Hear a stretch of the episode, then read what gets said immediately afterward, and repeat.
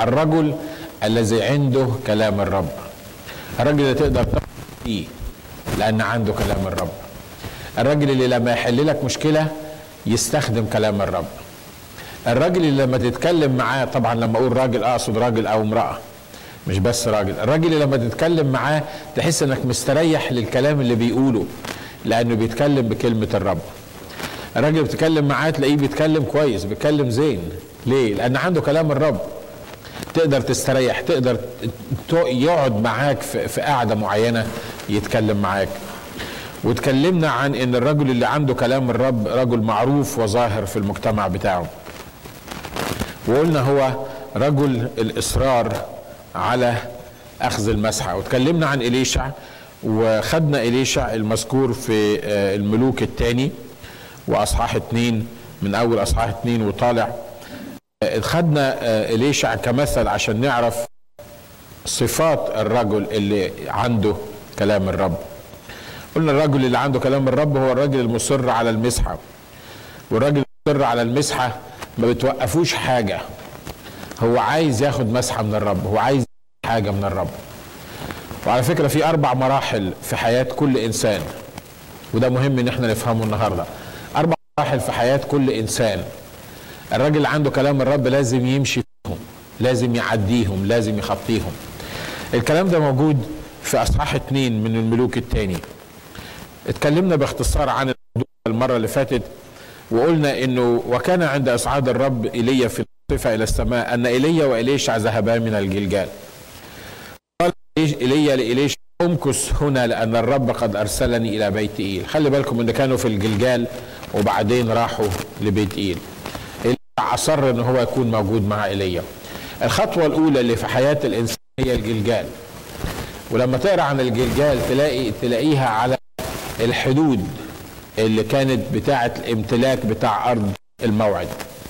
وفي الجلجال وكلمة الجلجال معناها دحرات الأرض. الشعب لما وصل للجلجال الرب قال له اسمع اللي كانوا ماشيين في الصحراء ما كانوش مختونين. وفي عهد بين وبين الإنسان اليهودي كان إنه إنه لازم ذكر يختن لأن ده كانت علامة العهد بين الله وبين الناس. بس الرجاله اللي كانوا ماشيين في الصحراء لأن كلكم عارفين الأرض مصر كلهم ماتوا. ما حدش فيهم دخل أرض الموعد غير اتنين كالب ابن يفنة ويشوع ابن نون. هم بس اللي دخلوا أرض الموعد. لكن كل الآلاف اللي طلعت من أرض مصر كان لازم تموت في الصحراء ما تخشش أرض الموعد. مع إن خطة الله ليهم إنه يطلع من مصر ويخش أرض الموعد. خطة الله كانت لإبراهيم قال له شعبك هيتغرب في أرض غريبة وبعدين هيطلع فارس الأرض اللي تفيض لبن وعسل. الله عايز تخش كلها تخش أرض الموعد الأرض اللي تفيض لبن وعسل. الله عايز الناس تعيش مستريحة. مش عايزهم يعيشوا في تعب وفي ضنك وفي مشاكل. لو عايش في تعب وحزن وكونفيوجن وضنك ومشاكل مرض وغيره وغيره وغيره دي مش خطة الله ليك. أمين؟ ده مش اللي الرب عايزك تعيش فيه. الكتاب قال في سيكون لكم ضيق وإحنا عايشين في العالم وفي مشاكل. لا أنا مش بقول اللي يمشوا مع الرب ما يكونش عندهم مشاكل لكن يمشوا مع الرب رغم المشاكل اللي تكون موجودة عندهم رغم الاحتياج.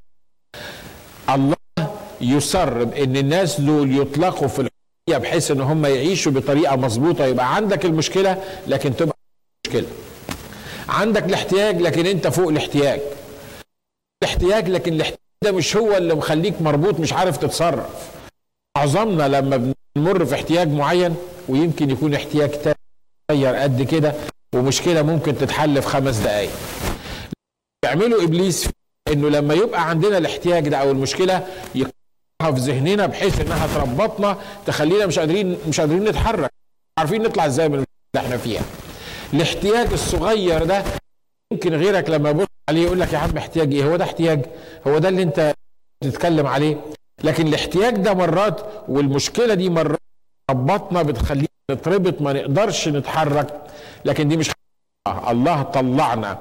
نقلنا من سلطان الظلمة مش عشان يحطنا في الصحراء عشان يودينا إلى ملكوت ابن إيه؟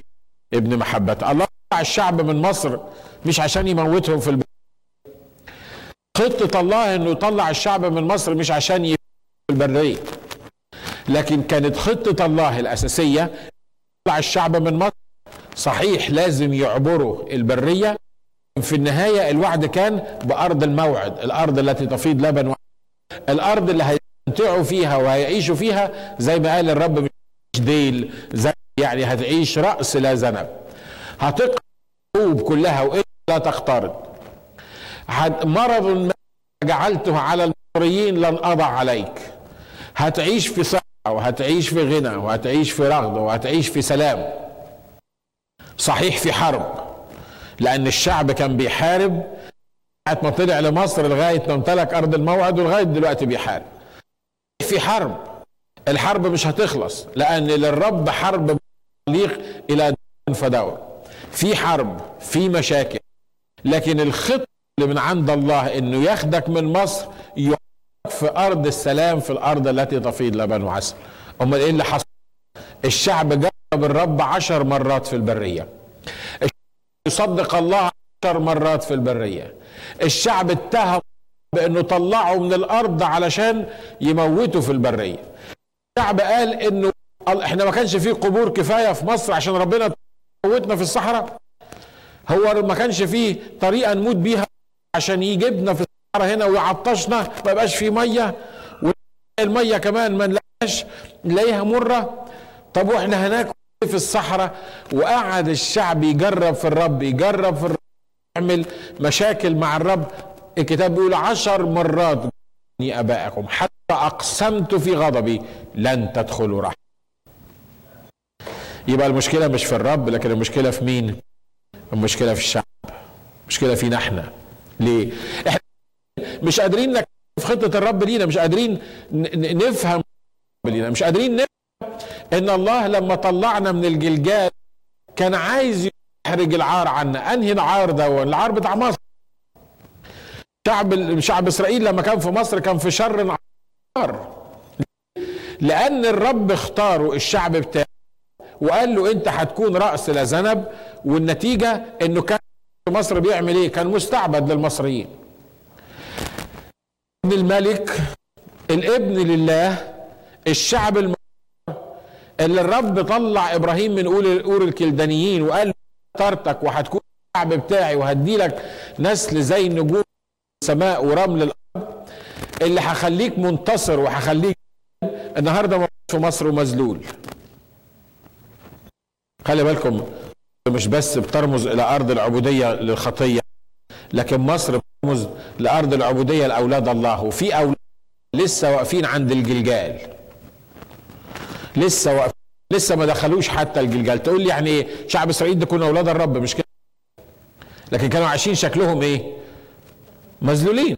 كده ولا إيه؟ أولاد الرب اللي ليهم الحق إن هم يصرخوا وصراخهم يوصل للرب.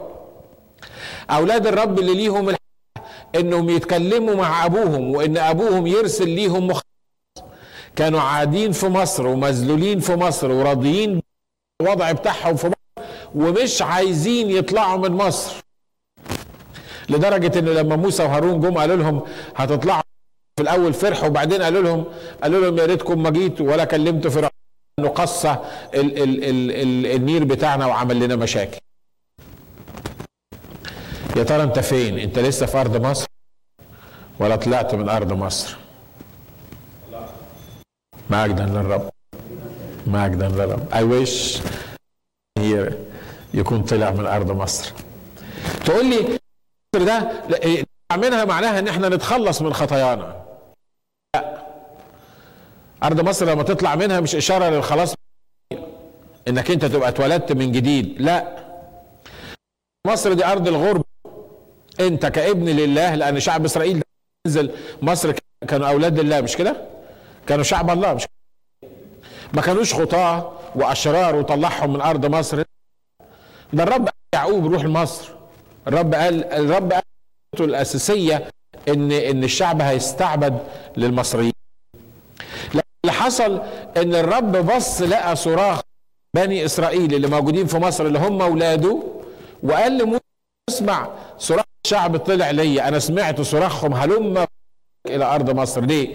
لأني مش عايز أشوف أولادي موجودين أرض العبودية. مش عايز أشوف أولادي عايشين تحت مش عايز أشوف أولاد الناس بيبهدلوا فيهم هم مش لا حول ولا قوة زي ما بيقول مش عايز أشوف أولادي عايشين بس طول يجروا على لقمة العيش عمالين يجيبوا الطين ويعملوه بريكس أو وده كل اللي بيعملوه. مش عايز أشوف أولاد تاني متحكمة فيهم في ظروف متحكمة فيهم. وده اللي عايزه الرب ليه مين؟ أنا كأب ابني زعلان. لما أشوف ابني في وضع غلط ابني مضغوط بشكل من الأشكال مستحيل أعرف أنام. ليه؟ لأنه ممكن يكون غلط ممكن ممكن يكون الوضع ده لأن هو حاجة مش مظبوطة مرات كتير. لكن أنا كأب ما بحاسبش ابني على إيه الغلط اللي هو عمله. لكن بشوفه في الوضع دون أنا بتحرك اني بأشياء الأب. أنا عايز أنقذ ابني من المشكلة اللي هو فيها من الوضع اللي هو فيه. وبعدين أقدم لو كان عمل حاجة جابت له المشكلة دي. يعني كده أقول إنه بيكره إنه يشوفني في وضع الذل المؤمنين في وضع الضيق في وضع الحاج في وضع الاستسلام في وضع الحزن في وضع الوجن ده بيعمل بيكسر قلب الرب إنجاز التعليم يشوف أولاده موجودين في أرض مصر. عشان كده الرب قال أنا سمعت صراخهم لموسى تعالى هلم ارسل مصر عشان تعمل إيه؟ عشان تطلعهم. طلعوا جربوا الرب. من ضمن الحاجات اللي قالوا عليها للرب قالوا الرب طلعنا من الأرض مصر للصحراء عشان ولادنا يبقوا غنيمة للشعوب التانية. عشان الشعوب التانية تاكل أولادنا ياخدوا أولادنا مننا غنيمة. الرب قال لهم لا أنا بقى خلاص وصلت منكم للرب زي ما بيقول. ولادكم اللي أنتوا بتقولوا إن هم غنيمة ولادكم هم اللي هيخشوا أرض الموعد. وإنتوا قسمت في غضبي أن لا تدخلوا راحتي. تقدر تخش ارض الموعد ابنك ده اللي انت خايف عليه انت بتربيه بمزاجك بطريقتك الخاصة اللي انت ما بتربيهوش وفقا للكلام الكتابي اللي انت بتحاول بتتهم الله هو هو اللي بيفرط في ابنك. لا المشكلة مش في الولد. المشكلة فيك مش في البنت. انت بتربي ابنك وبتربي ابنك وفقا للتعاليم الكتابية وفقا للطريقة الإلهية وفقا للي الرب عايزك بيه ابنك أو بنتك في البيت خلي بالك إنك أنت وابنك الموعد. عشان كده الرب إن الولاد دول اللي هيخشوا أرض الموعد. جم عند الجلجال. خلي بالكم بقى الجلجال هي دحرجة العار. دحرجة العار الولاد اللي اتولدوا كلهم في في البرية وفي الصحراء ما كانوش مختونين حصل إيه؟ ما قدروش يخشوا أرض الموعد. هنا الخلاص هنا العهد اللي بين الإنسان وبين الله. أرض الجلجال الأرض اللي الرب عايز يقول فيها خلاص هنا كفاية. لازم كل ابن يختتن لازم قرار هنا في المكان بتاع الجلجال ده لأنك وأنت عايش في مصر كنت في نار وأنت في البرية جربتني وكنت نار أنت يا جديد أنت في الإيمان أو يا جديد في ال... بقدم لك الرسالة ما قبلتهاش. أنا محتاج أخد معاك دلوقتي عشان تخش أرض الموعد لازم تختتن يعني إيه؟ عشان تخش أرض الموعد لازم زي ما قال الكتاب الجديد يحصل ختان للقلب لأن الختان ما بقاش دلوقتي. الختان يبقى في الإيه؟ في القلب. يعني لازم يحصل لك تغيير حقيقي في حياتك في المنطقة بتاع الرجال عشان تنقذ من الظلمة للنور تنتقل من الحياة الأبدية المصير للمصير اللي الرب عايزك تكون موجود فيه. اسمه اسمه دي؟ الجلجال. ده حرجة العار. من فينا دلوقتي عار. يا ترى كم واحد النهارده حاسس إن هو مكسوف؟ لأن في عار في حياته في حاجة في حياته مش قادر يتخلص. قال له اسمع ليشع الرب أرسلني من الجبال لبيت إيل. الخطوة الثانية في حياة الإنسان إنه مش بس تخلص مش بس دحرج العار عنه بس مختون دلوقتي في القلب. لكن قال له إيه؟ قال له أنت البيت ايل اللي هو بيت مين؟ بيت الرب. إن لازم لك علاقة بالرب ولازم يبقى لك علاقة بالمؤمنين. الناس بيقول لك اسمع أنا بصلي في بيتنا. واحد جاي بيقول لي بيقول لي عندنا واحدة آه، اتصلنا بيها بالتليفون وقلنا لها وقلنا لها آه، عندنا الكنيسة قالت لا أنا كنيستي هو الاسيس ناجي. مش كنيسة الاسيس ناجي خلي بالكم الاسيس فقالوا لها إزاي يعني كنيستك هو الاسيس ناجي؟ البرنامج بتاع يوم الجمعة بتاع ستة ونص ده هي دي كنيستي.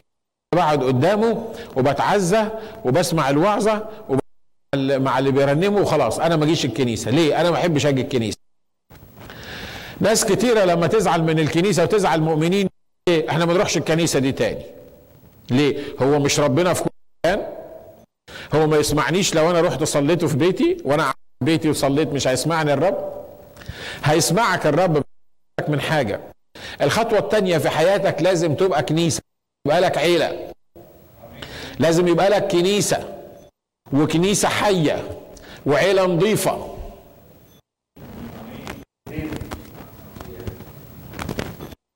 لازم تبقى مرتبط بأسرة. تقول لي أسرة؟ هم دول دول لو طالوا يولعوا فيا هيولعوا فيا. أسرة دول أنا أكون موجود في وسط الناس دول. أنا برضو هم دول أسرتي. إحنا بنتكلم روحيا دلوقتي ما بنتكلمش على على زمنيا ولا على ماديا. فينا بيعتز بالعيلة بتاعته وكل واحد فينا بيعتز بالبيت بتاعه وبيعتز بالهاوس هولد زي ما بيقول لكن أنا بتكلم عن الأسرة الروحية. ما يقدرش المؤمن يكبر وياخد المسحة ما كانش في كنيسة. الرب هيسمعك في بيتكم هيسمعك. أنا ما قلتلكش مش هيسمعك. لكن مستحيل تتربى صح. مستحيل تعيش صح. مستحيل تبقى إنسان معتدل إنسان متظبط نفسيا وروحيا. ومن كل ناحية لو ما كانش ليك كنيسة منضم ليها وموجود فيها وأسرة بتتعامل معاها لدرجة إنك ممكن تتشاكل معاها. حد فيكم في الأسرة بتاعته ما حصلتش أي خناقة في وقت من الأوقات؟ ولا أي مشكله بين الاخوات ولا بين ولاد العم. يعني لو في حد كده تعالى كلمني بعد الاجتماع وريني الأسرة بتاعتك دي غالبا نازلة من السماء وهتطلع السماء لوحديها مش عايشة في الأرض بتاعنا. لكن ما حصلش. ما حصلش إن في أسرة ما فيهاش مشاكل أو أسرة ما فيهاش اختلافات. تقول لي اسمع أنا مش جاي الكنيسة ليه؟ ما صبحتش عليا. ما مستش عليا. قالت لي إيه. قال لي مش عارف إيه. أنا أول حاجة إبليس لها يقنعك فيها يقول لك ما تروحش الكنيسة. ليه؟ يا عم سيبك من المؤمنين دول المؤمنين دول يجيبوك ورا. ده انت لو ده انت لو قعدت معاهم دول هيجننوك. انت تعمل إيه؟ تصلي في بيتكم. صلي في بيتكم. الرب هيسمعك. صلي وتعزى واسمع الاسيس ناجي الساعة 6 يوم الجمعة وتبقى الكنيسة بتاعتك ويبقى تمام التمام. لا هتبقى اللي متربي في ملجأ.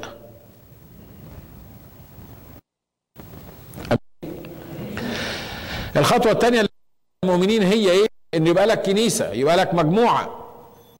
تقول لي أنهي كنيسة؟ أنا ما بكلمش عن كنيسة معينة. الكنيسه اللي يحطك الرب فيها روحها. بس لازم يحطك تحط نفسك.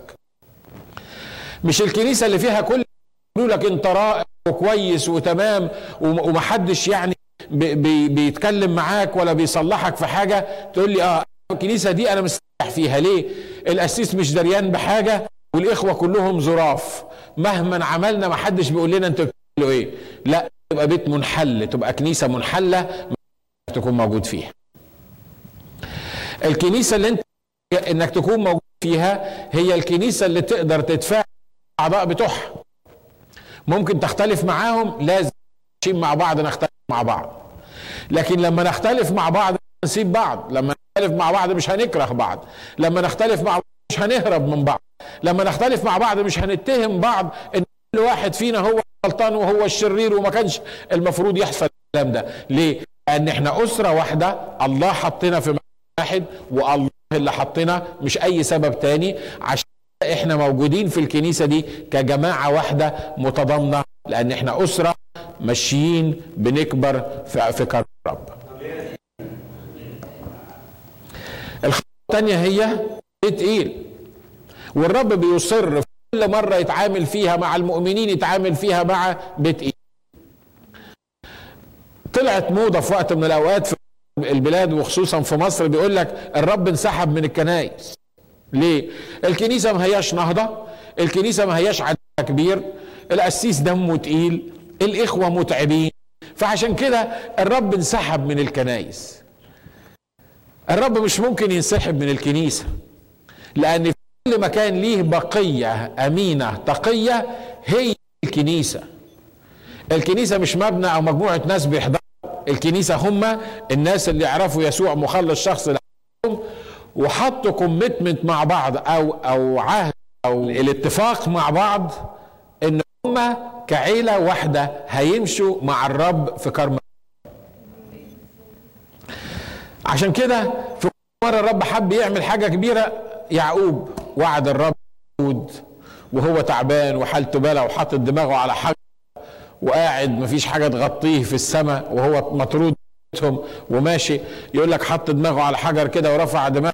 الرب إيه؟ قال له اسمع يا رب لو رجعتني تاني للمكان أنا هدي لك وهسوي ومش عارف هعمل وهعمل وقعد يوعد في الرب. زي ما إحنا بنعمل كده مش ها؟ أول ما تخش في الزنقة هعمل يا رب وهسوي وهروح وهجيب وهعمل. وبعدين يعقوب الرب أحسن ليه وبقي جيشين وغني ورجع. والرب قال له إيه؟ قال له قم اصعد إلى بيت إيل.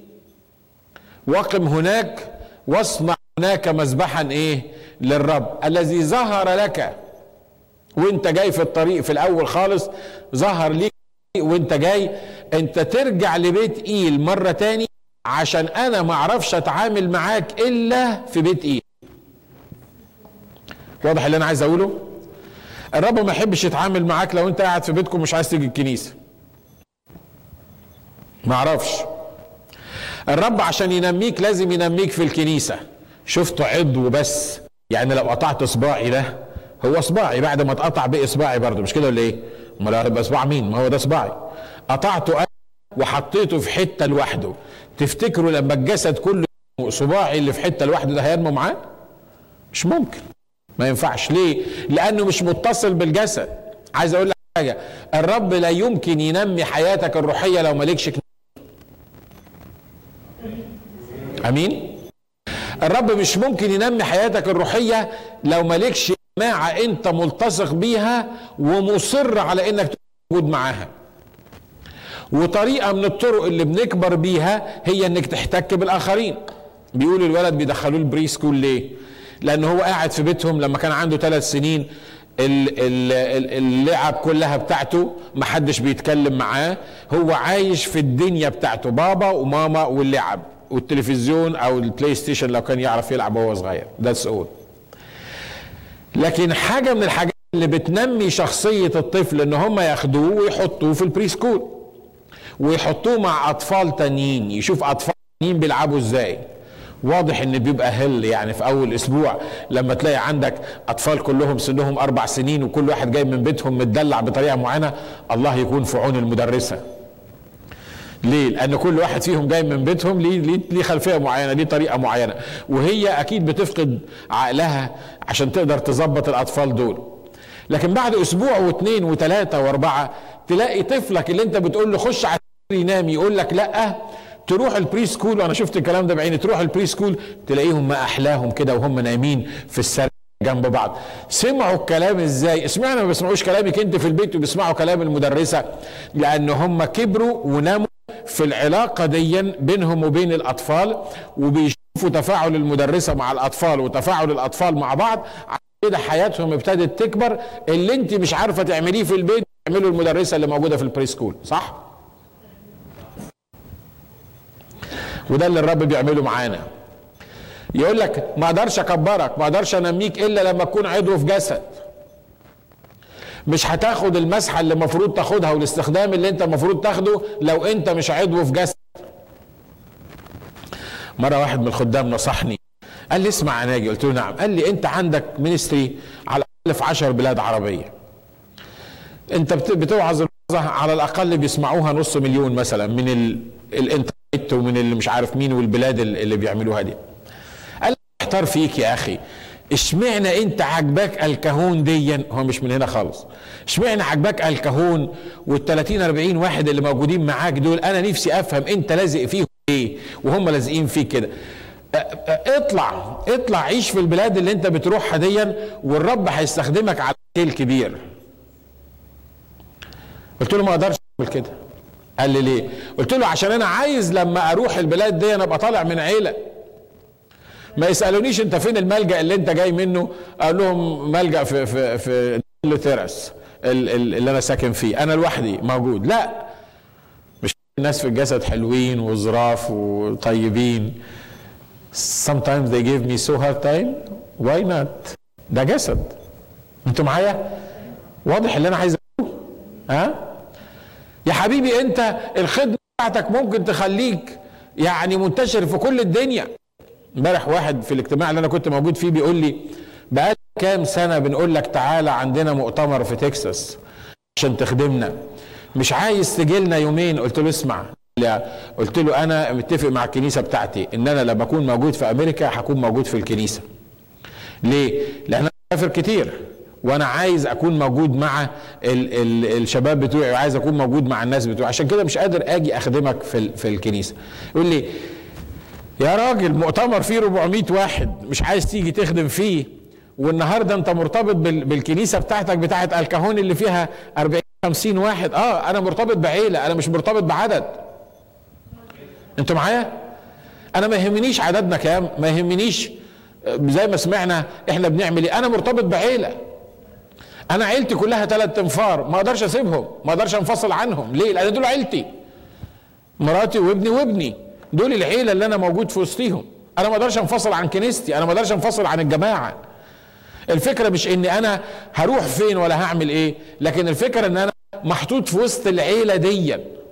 وده اللي يهمني إن لما انطلق أتكلم عن عيلتي. لما يسألوني عيلتك فيها قد إيه أقول لهم عيلتي فيها كذا عيلتي بتعمل كذا عيلتي صنعت الحاجة الفلانية في مصر عيلتي الرب استخدمها في البلاد المختلفة إنها تعمل الحكاية دي عشان كده مهما رحت أو جيت لازم أرجع مرة تاني للعيلة بتاعتي لأني ما أقدرش أطلع منها.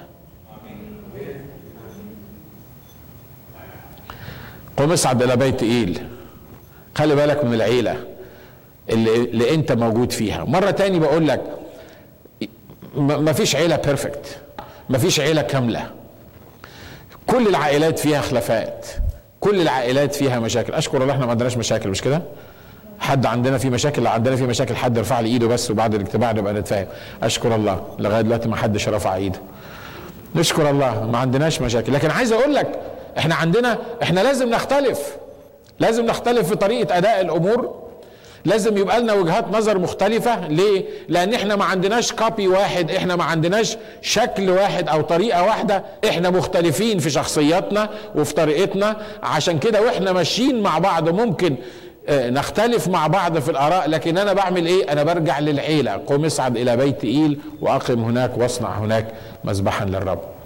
الخطوة الثالثة اللي قال له قال له أنا رايح لأريحة. واسمع.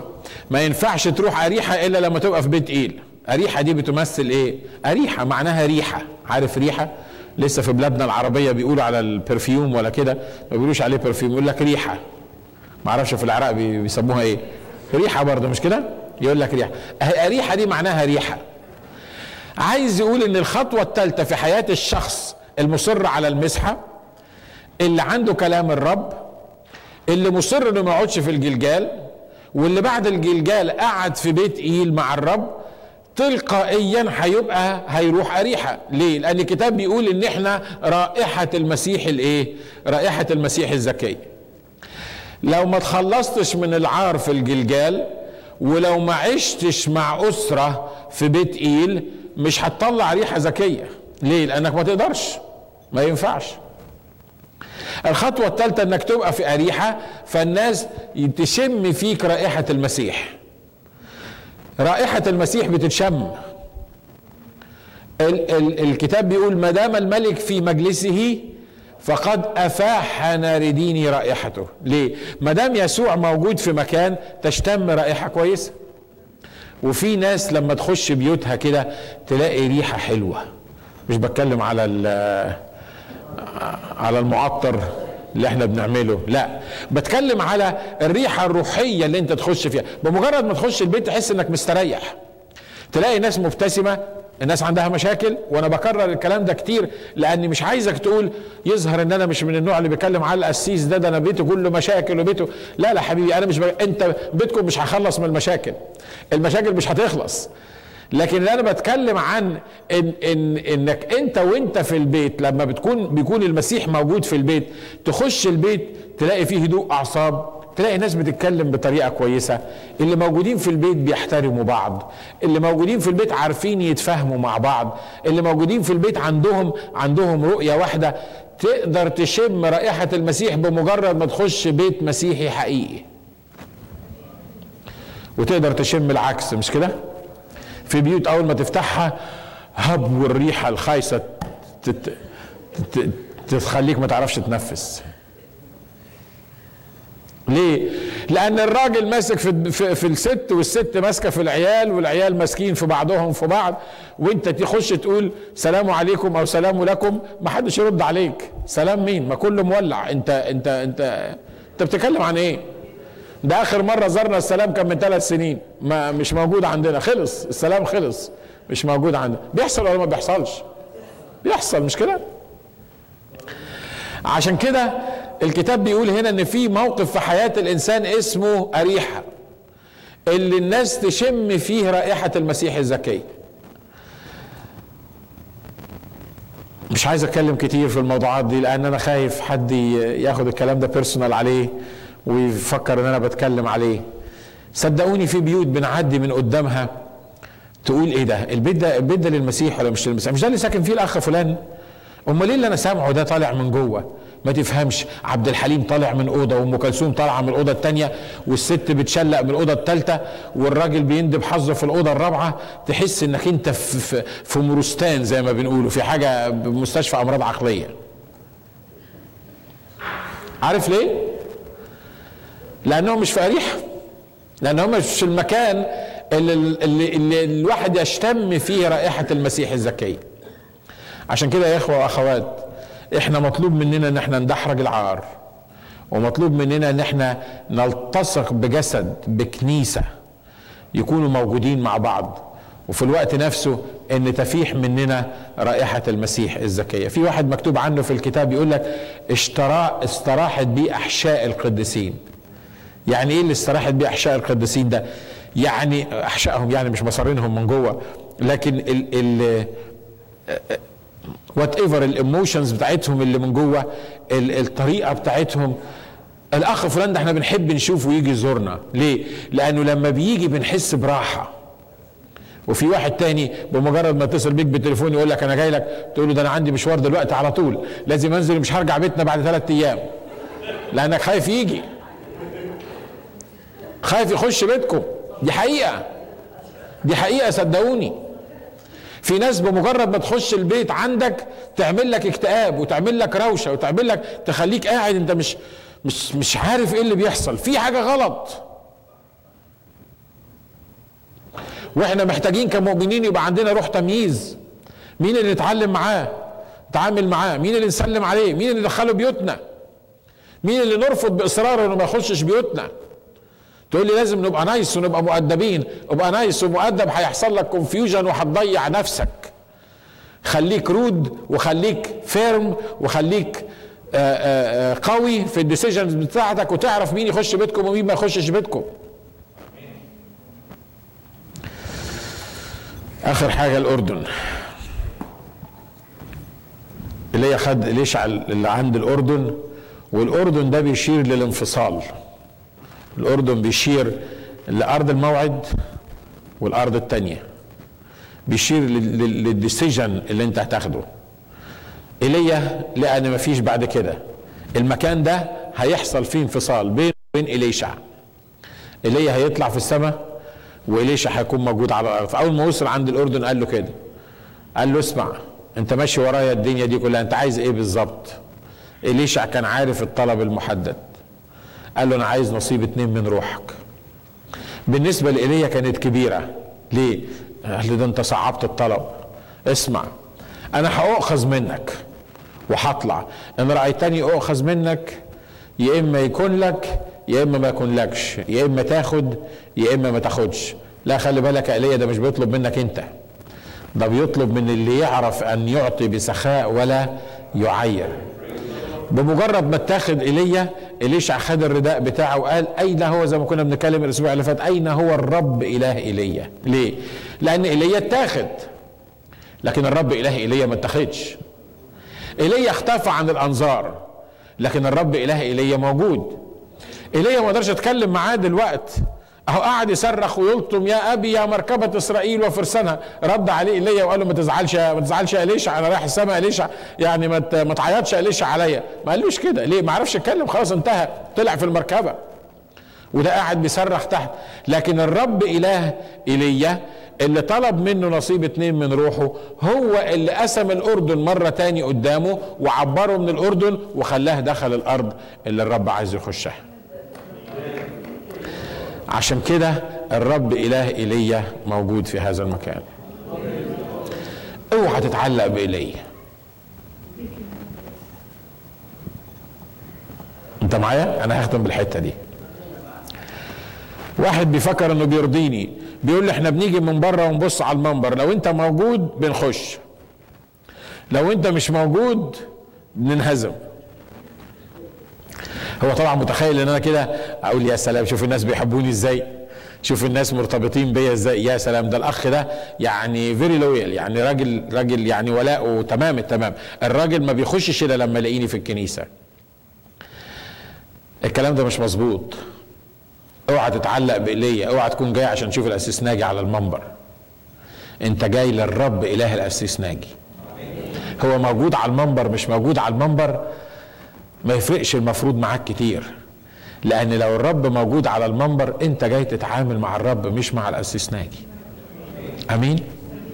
لازم تفهم الحقائق الكتابية دي. لازم تفهم إن في وقت من الأوقات لما هتمسك لما هتمسك في إيليا إيليا هيطلع. إيليا هينفصل عنك.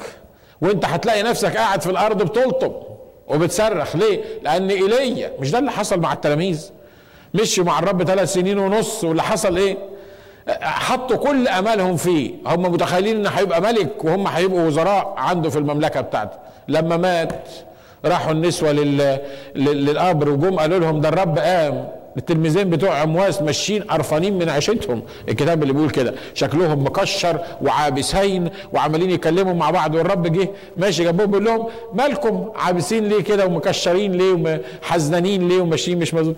قالوا له يسوع الناصري الراجل اللي كان مقتدر في الأقوال والأفعال. الكتاب ما دونش كل اللي قالوه بس يعني كان ممكن يقولوا له الكلام دون يعني يقولوا له الراجل اللي إحنا حطينا ثقتنا فيه واللي قعدنا معاه ثلاث سنين ونص وحبيناه وكان المفروض هنبقى يعني في المملكة بتاعته مات وحطوه في القبر. وبعدين وبعدين كمان الستات المخابيل راحوا قالوا ده قام مش موجود في ال في ال في, ال في القبر.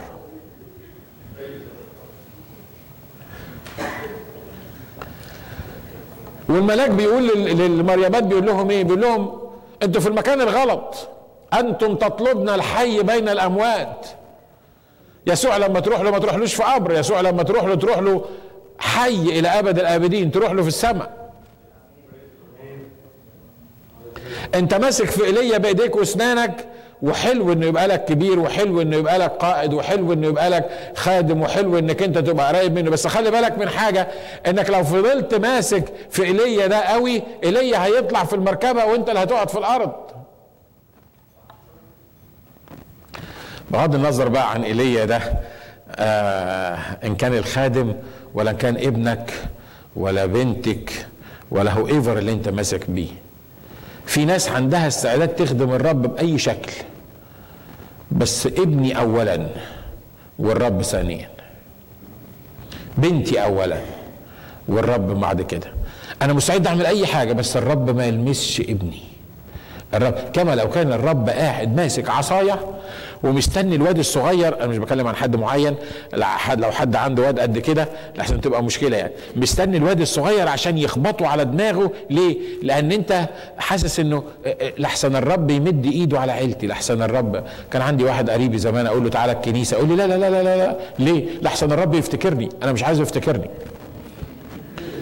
ليه يا عم؟ ما يفتكرك الرب يقول لك لا لا لا. هو خليه هو كده. هو نسيني ولا حياتي كويسة وتمام التمام. هو داخل في ذهنه مقتنع إن لو الرب افتكره البلاوي هتنزل على دماغه. فهو عايز يعمل إيه؟ خايف يروح الكنيسة لحسن الرب يفتكره.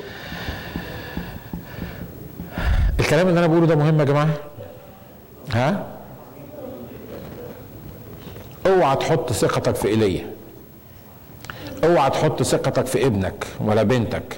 ولا جوزك ولا مراتك ولا إنسان لأن ملعون من يتكل على البشر وعلى ذراع البشر. لكن من اتكل على الرب لا يعاقب. كتاب بيقول كده.